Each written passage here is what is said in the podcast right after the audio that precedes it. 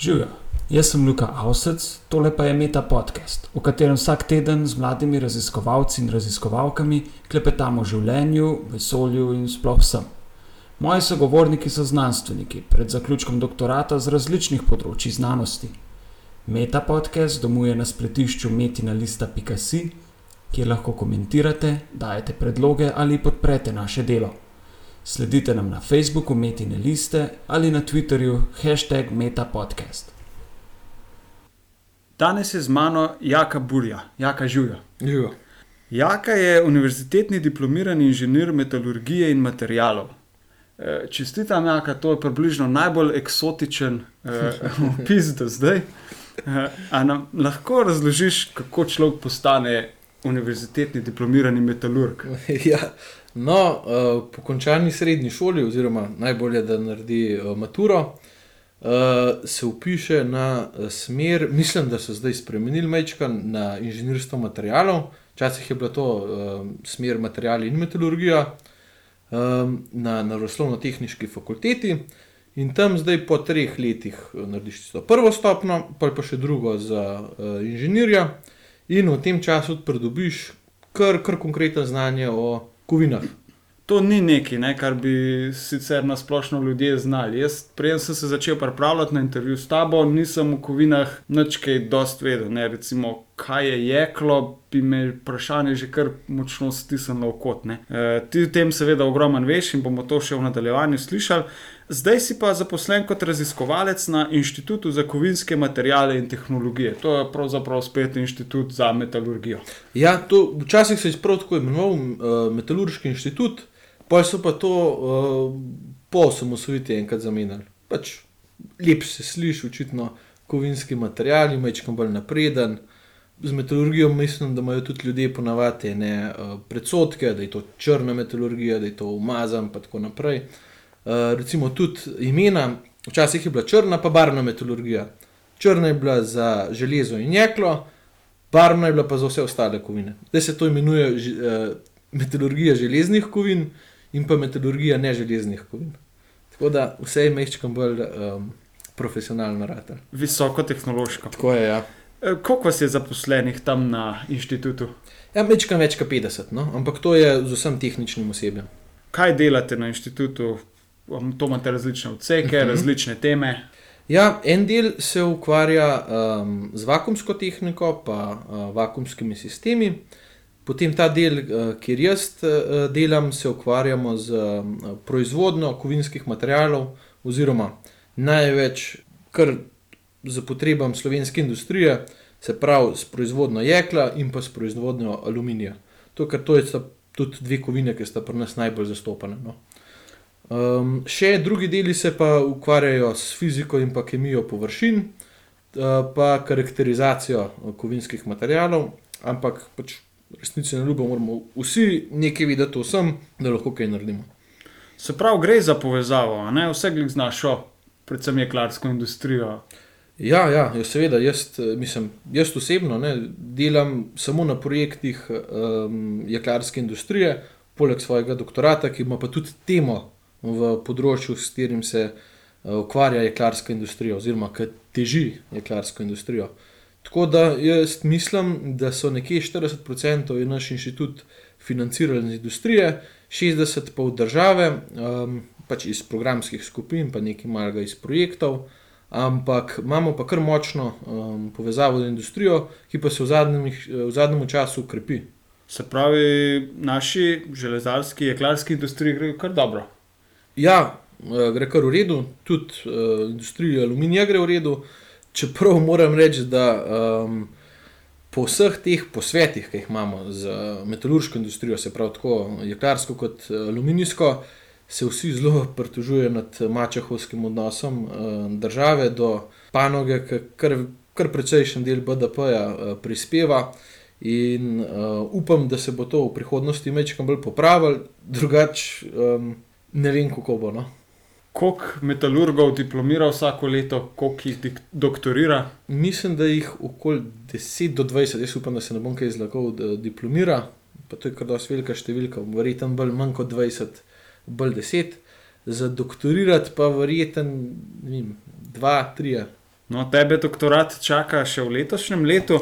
Ja. Ja. A nam lahko poveš naslov svoje teme? Aha, no, tako kot vse stvari v metalurgiji, smo tudi naslov moje teme mogli mečkam tako preoblikovati, da se lep sliši. Tako da jaz sem mečkam bolj preprost človek, pa si malo težje te stvari zapolnim, ampak bom, bom probal.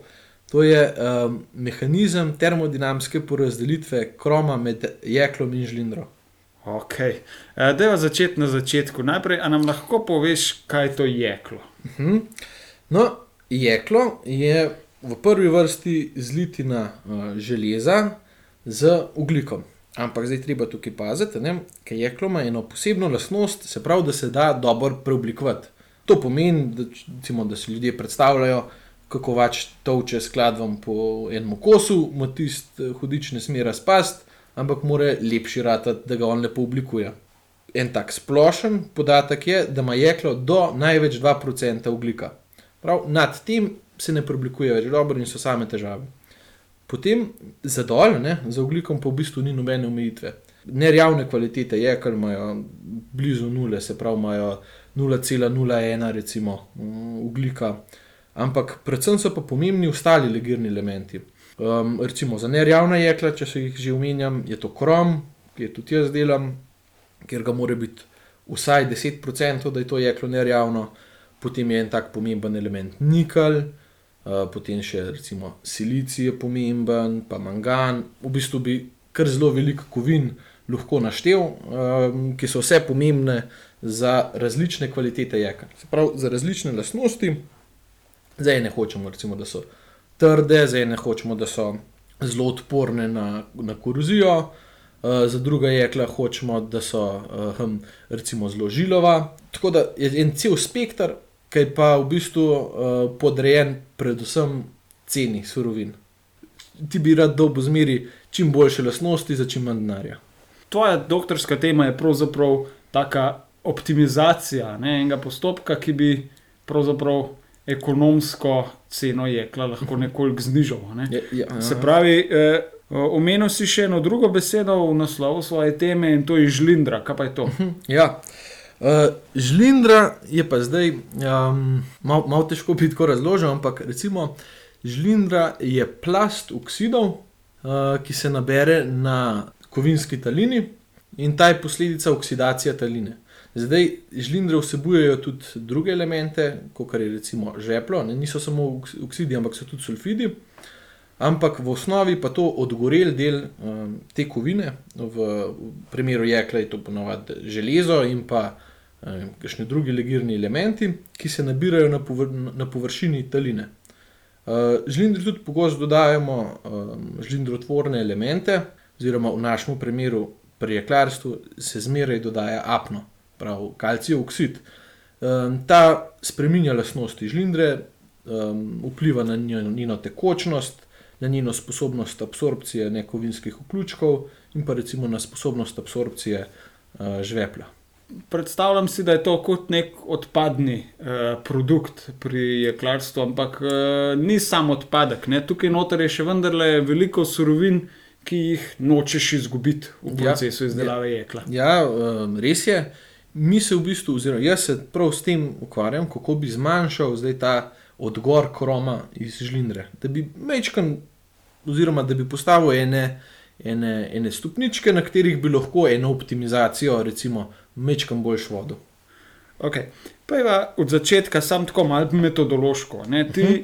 Imaš veliko izkušenj direktno iz industrije, se pravi, bil si v tovarnah, v livarnah, uh -huh. eh, na vročini in si gledal, kako jeklo v industrijskih merilih uh -huh. nastaja pri svojem eksperimentalnem delu pa tudi sam delaš jeklo. Ja, ja. Kako izgleda tak tvoj dan v, na delovnem mestu, prideš, začneš delati jeklo, zakuraš v peči, kako je to? Ja, najprej, ponovadi prejšnji dan um, se s tehnikom zmenjava, pa zatehtava um, se pravi surovine, potem uh, tehnik zjutraj založi peč, um, se greje in ko je material razstaljen, prav to traja približno od pol ure pa do tri četrt uh, ure. Okay, ja? Stvari, da te prekinem, material je kaj? Aha, material je. Ja. To je um, vhodni material, je pri nas ponovadi eno, eno jeklo, ki je manj legirano, pa še razni legirni dodatki. Se pravi, recimo, Se pravi, ne ruda. Ne ruda, ne, ne, ne. ne. Uh, ruda, ruda se sicer v svetu um, uporablja ne, za izdelavo grodla, se pravi v plavžu. Uh, vse plavže smo v Sloveniji zaprli. Uh, recimo zanimivo pa je, da pa v Nemčiji pa plavži še obstajajo in zelo lepo delajo, pri nas je bila pa to ena taka uh, umazana stvar, ki je bilo treba zapreti. Uh, tako da pri nas ni več uh, dela v jeklarnah z rudo. Prav, in tudi mi na inštitutu zdaj uporabljamo samo uh, jekleni vložek. Okay. Material so razčistili, zdaj pa peč, ne? kaj to je bukova drva, keramična peč, kako to zgleda. Ja, uh, v industriji ne, za razstalitev uporabljajo elektrobločno peč, ki s pomočjo električnega bloka, ki se ustvari med grafitno elektrodo in vložkom, tali material. Se pravi, to se naredi, v bistvu ustvarja plazmo, tisto blok ima temperaturo tam med 3000 in 5000 stopinjami in ta počasi nadaljuje vložek. Pri nas imamo pa uh, eno varianto uh, indukcijske peči, prav tukaj pa mi rabimo nujno kovinski vložek, tam se inducira napetost in material počasi se greva, dokler ne preseže točke tališča in potem se ti stali. Um, pa imamo pa enkrat talino, ta se meša, reagira z rakom, pa z vsemi stvarmi, ki jih mi noter vtikamo. Nastaja žlendra in tako dalje. Tako je. Kako zdaj ti manipuliraš to vročo talino? Ne? Ta talina ima tisoč stopinj, še več. Ja, um, načeloma, ne bomo tako rekli, imajo um, jekla tališča tam okoli 1500 stopinj. Prav, mi imamo tukaj kar mečkam više temperature, um, pa eksperimentih, kdaj tudi presežejo uh, 1800 stopinj, ampak načeloma se tam okoli med 1550 in 1650 se mi gibamo ponovadi. No. Se pravi, to gre za eno razbeljeno, belo, žarečo stvar. To ja. ne moreš gledati, to ne moreš prijeti. Kako manipuliraš s tem sploh? Ja, um, zdaj za gledati imamo posebna očala, ki so podobna tistim varilskim. Uh, za mer temperaturo uporabljamo eno stvar, ki se imenuje pirometer, ki sicer da pri teh temperaturah rezultate, uh, ki so tam do, do nekako plus minus 50 stopinj Celzija in ta z emisivnostjo taline uh, oceni temperaturo. Posod moramo imeti rokavice, predpasnike iz uh, usnja in mi to talino dela, gledamo daleč, noter mečemo stvari. Potem pa to ulijemo in pa zelo previdno pač nekam odložimo, pa ven zbijemo iz uh, kokile. Okay, Preden se posvetiva tvojemu raziskovalnemu problemu, da je sam še kaj zdaj naprej, ne? kako karakterizirate lastnosti materijala, ki ga naredite. Se pravi, najbrž kakšna je površina, kakšna je natezna trdnost materijala, uh -huh. kakšna je. Kje stvari analizirate in kako to dosežete? No, prva stvar, ki jo moramo narediti, je kemijska analiza. Ne? In nam že odnegdaj pravijo, da smo ratovniki. Pravi, če nam rata, nam rata, če pa ne rata, pa pač ne rata, pa ponovimo stvar. Zato, ker stvar je taka, ne, da pri tako visokih temperaturah so, uh, je snov kar nepredvidljiva in se moramo potruditi, pa z veliko izkušnjo in pa večkratnim ponovitvam pridemo v ta pravo, se pravi, kemijsko analizo. To je prva stvar. Potem moramo takmu materialu recimo določiti in eh, mikrostrukturo, ker moramo vedeti, ne, če bi mi hoteli recimo opisati eno jeklo. Če bi to primerjal nekako s človekom, bi rekel, da njegova kemijska sestava je samo DNK. Potem, kako ga ulijemo, je to, kako se je rodil. Mi se lahko zmotimo že pri tem, ko ulijemo, uh, ko ulijemo material. In v bistvu lahko, kako ne bi rekel, mrtvo rojenc in je material, čeprav ima kemijsko sestavo odlično, ga lahko tako polomimo, da um, je neuporaben, lahko samo še enkrat pretelimo. Potem je še odvisno, kako ravnamo s tem materialom, ki je enkrat če vroč, se pravi, govorim zdaj v tukaj stopinjah uh, Celzija, se pravi 1000-1200 temu, tega vroče preoblikujemo in tukaj mu zelo spremenimo mikrostrukturo. Zavedati se moramo, ne, da lahko material pri identični kemijski sestavi ima čist različne lastnosti. Ne. Prav enkrat je lahko krhk, druga, drugič pa žilo. In mi to vse um, preizkušamo v mehanskem laboratoriju. Prav tukaj delamo na tezne teste, na teznih strojih, potem delamo uh, teste žilovosti. No, ta žilovost je zanimiva. Ne? Jaz si to predstavljam, kot da material ni homogen, ampak da v njem potekajo neke žile, ne? jaz sem biolog. K- Ja, ja. Kako je s tem v resnici? Je to ta žilavost? Ja, žilavost, o kateri jaz govorim, je udarna žilavost. Ne? In to je sposobnost materijala, da absorbira energijo. In to je čist, čist enostaven test, kjer mi spustimo eno tako veliko kladivo, posebno, imenuje se Šarpijevo kladivo, na en preizkušenec, se pravi, to je en tak um, kvadr, ker ima uh, kvadratno, se pravi, kvadraten presek 10 mm, in to kladivo zaniha, zbije material, in na drugi strani pride uh, to kladivo nazaj gor. In razliko v potencijalni energiji, se pravi, koliko je gun kazalec spremenil, imenujemo žilavost materijala. Se pravi, to je sposobnost absorpcije energije. Ne? Recimo, če se material uh, zlomi pri 30 uh, džulih, rečemo, njegova žilavost je 30 džulov. So pa to standardizirani. Se pravi, preverjate trdnost, strukturo. Aha, pa še trdoto, pa še trdoto. Pa še trdoto. To je tudi pomembno. ne. Tudi pomembno je ločiti med trdnostjo in trdoto. Aha. Trdnost je sposobnost, kakšno silo prenese, preden se pretrga, medtem ko je pa trdota, pa kako se material upira v tiskanju enega predmeta um, v, samo, v sam material. Eh, Za mikrostrukturo. Ne? Ja, pardon, mikrostruktura je pa. Ja, za mikrostrukturo rabimo narediti metalografske obruse.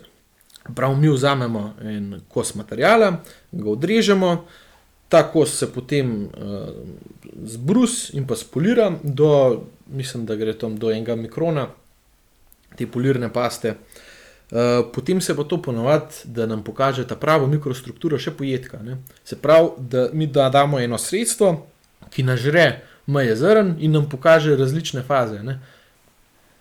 Se pravi, da zdaj povežemo vse skupaj nazaj s tvojo temo. Uh -huh. Ti pa preučuješ, kaj se torej dogaja med taljenjem, v žlindri, ki nastaja, Uh -huh. kaj je s kromom v tej žlindri uh -huh. in Mhm. ga, kako bi ga čim več nazaj dobil. Ja, ok. Jaz bom tako rekel, jaz sem načeloma ne, svoje poskuse predelil na ene, ko bi rekel, na ene tri faze. Ta prva je um, oksidacija kroma iz taline. Prav to je tako zgleda, da smo mi uh, 20 kg taline uh, naredili, dodali noter kroma, tako da ga je tam okoli 13%. In potem pihamo noter s keramično palico kisik. In to je pač kar dost burna reakcija, se šprica na okolje, temperatura se 1600 dviguje. Ja, 1600 stopinj, kdaj tudi malo kaj preseže. In nastaja žlindra, nastaja CO, uh, vse gori, vse brbota, se pravi, talina nam v bistvu kar vre.